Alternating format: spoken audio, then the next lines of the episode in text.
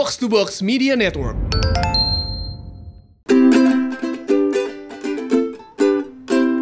Mencoba minimalis.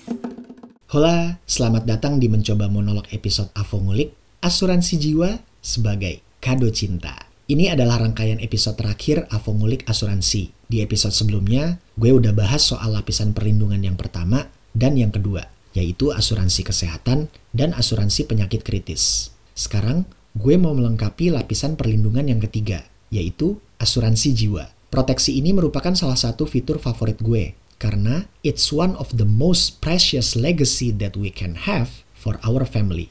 Ada ujaran YOLO, you only live once. Memang bener banget, hidup cuma sekali, harus digeber jos. Tapi bedanya tebal ya antara jalanin hidup dengan reckless atau slordeh dengan being confident tapi tetap mindful dan aware terhadap risiko-risiko. Minimal jangan sampai pas lagi begajulan lalu amit-amit kena risiko malah nyusahin orang. Dulu ada pepatah, gajah mati meninggalkan gading, kalau harimau meninggalkan belang. Sedangkan ketika seseorang meninggal, biasanya ninggalin hutang atau simpenan yang riwah minta harta warisan. kesel nggak? Jangan kesel dong. Mwah. Saat episode ini direkam ya guys, angka kematian akibat pandemi udah tembus 40 ribu jiwa. Bayangin guys, saat ini ada 40 ribu keluarga yang kemungkinan sebagian besar dari mereka keadaan ekonominya terjun bebas. Apalagi jika yang meninggal itu kepala keluarga atau pencari nafkah. Kondisi ini harusnya bikin kita sadar ya, kalau yang namanya kematian itu datangnya nggak pakai woro-woro dulu. Pertanyaannya nih, kalau misalnya kita yang dipanggil duluan sama si bos yang maha freestyle, legacy apa sih yang udah kita siapin baik untuk keluarga atau generasi yang akan datang? Sebelum gue lanjut jelasin soal detail asuransi jiwa, gue mau reminding dua hal terkait premi ya. Pertama, status merokok atau tidak merokok akan mempengaruhi harga premi. Yang kedua, semakin bertambahnya usia, maka harga premi akan semakin mahal. Ini berlaku untuk semua jenis asuransi ya. Jadi, temins bisa lebih aware soal budget pada saat hendak buka polis. Kalau mau preminya murah, well, kalian tahu ya harus apa. Oke, kita lanjut ya. Asuransi jiwa adalah produk dasar asuransi yang memberikan manfaat berupa santunan tunai atau uang pertanggungan jiwa atau UP jiwa kepada penerima manfaat ketika nasabah tersebut tutup usia. Dari segi fungsi, gue selalu encourage orang-orang untuk punya UP jiwa sebagai bagian dari legacy plan atau rencana warisnya. Pertimbangannya itu ada beberapa hal. Pertama, UP jiwa itu nggak ada masa tunggunya. Begitu polis issued, proteksi jiwanya akan langsung aktif dan berlaku. Yang kedua, UP jiwa itu sifatnya liquid dan instan, alias mudah dicairkan. Ketiga, UP jiwa itu dijamin oleh hukum.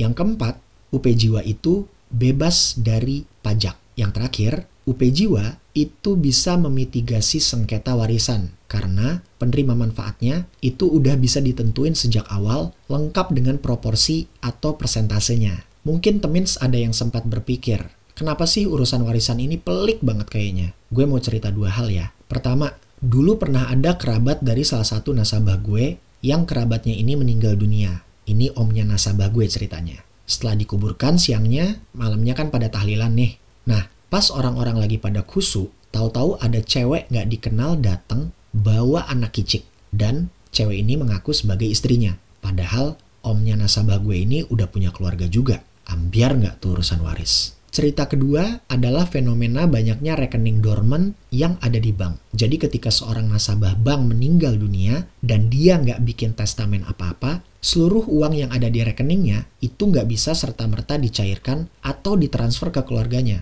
Uang tersebut juga nggak bisa diapa-apain sama banknya. Kalau kebetulan keluarga yang ditinggalkannya itu udah makmur, ya nggak ada masalah apa-apa. Kalau keluarga yang ditinggalkannya itu kekurangan atau sedang butuh uang, nah itu tuh yang jadi problem. Walaupun misalnya nih, keluarga dari nasabah ini datang mengklaim dengan bawa dokumen-dokumen, bank tetap nggak akan mau mencairkan sebelum ada keputusan resmi dari pengadilan yang menyatakan bahwa keluarga ini memang ahli waris yang sah. Proses pengadilannya sendiri itu bisa makan waktu yang lama banget guys. Asli. Jika bicara hukum, urusan waris di Indonesia itu diatur sama tiga hukum. Pertama, hukum agama. Kedua, hukum negara ini masuk ranahnya pengadilan agama untuk yang muslim atau pengadilan perdata untuk yang beragama lain. Serta yang ketiga, hukum adat. Kebayangkan ribetnya kalau kalian gak urus dengan proper. Makanya, gue selalu sarankan temins yang punya rekening bank agar mulai bikin testamen atau wasiat dari sekarang. Plus, mungkin kalian juga bisa request semacam fitur auto transfer ya. Jadi, ketika kalian tutup usia, dananya itu akan langsung ditransfer ke rekening pewaris. Ini bisa kalian garap dengan koordinasi antara pihak bank dan notaris atau pengacara. Sekarang, yuk kita masuk ke pembahasan utama. Siapa aja sih orang-orang yang perlu punya UP jiwa? Pertama, orang-orang yang punya tanggungan, baik keluarga atau karyawan. Kedua, orang-orang dengan income kecil menengah. Kalau udah sugih kayak Bill Gates, ya nggak perlu UP jiwa ya, tinggal bikin wasiat aja, Bray. Yang ketiga, orang-orang dengan hutang atau cicilan yang belum lunas. Yang namanya hutang itu juga bisa diwariskan loh, baik ke keluarga, pasangan, atau ke anak cucu. Jadi, temins bisa aware ya, justru ketika kalian masih punya hutang, kalian wajib punya UP jiwa. Kalau enggak, kesian nanti keluarga kalian. Karena mereka yang bakalan nerusin bayar hutangnya. Pembahasan selanjutnya adalah Berapa sih jumlah UP jiwa yang harus kita siapin? Sebetulnya nggak ada formula khusus ya soal ini, karena tiap keluarga itu pasti punya profil yang beda-beda. Tapi di sini gue mungkin bisa kasih semacam rule of thumb-nya kali ya. Jumlah UP jiwa yang ideal itu diharapkan bisa cover biaya hidup keluarga yang ditinggalkan minimal 10-15 tahun ke depan. Dengan asumsi dalam kurun waktu tersebut, keluarga yang ditinggalkan bisa tetap survive dan bisa tetap stabil ekonominya. Untuk yang udah berkeluarga dan punya anak, jumlah UP jiwanya itu bisa disusun agar bisa cover biaya hidup bulanan sampai anak tersebut lulus kuliah dan bisa mandiri secara finansial. Rumus UP jiwa itu adalah penghasilan bulanan dikali 12 bulan dikali periode proteksi. Misalnya nih, ada keluarga yang komposisinya itu ayah, ibu, dengan dua anak.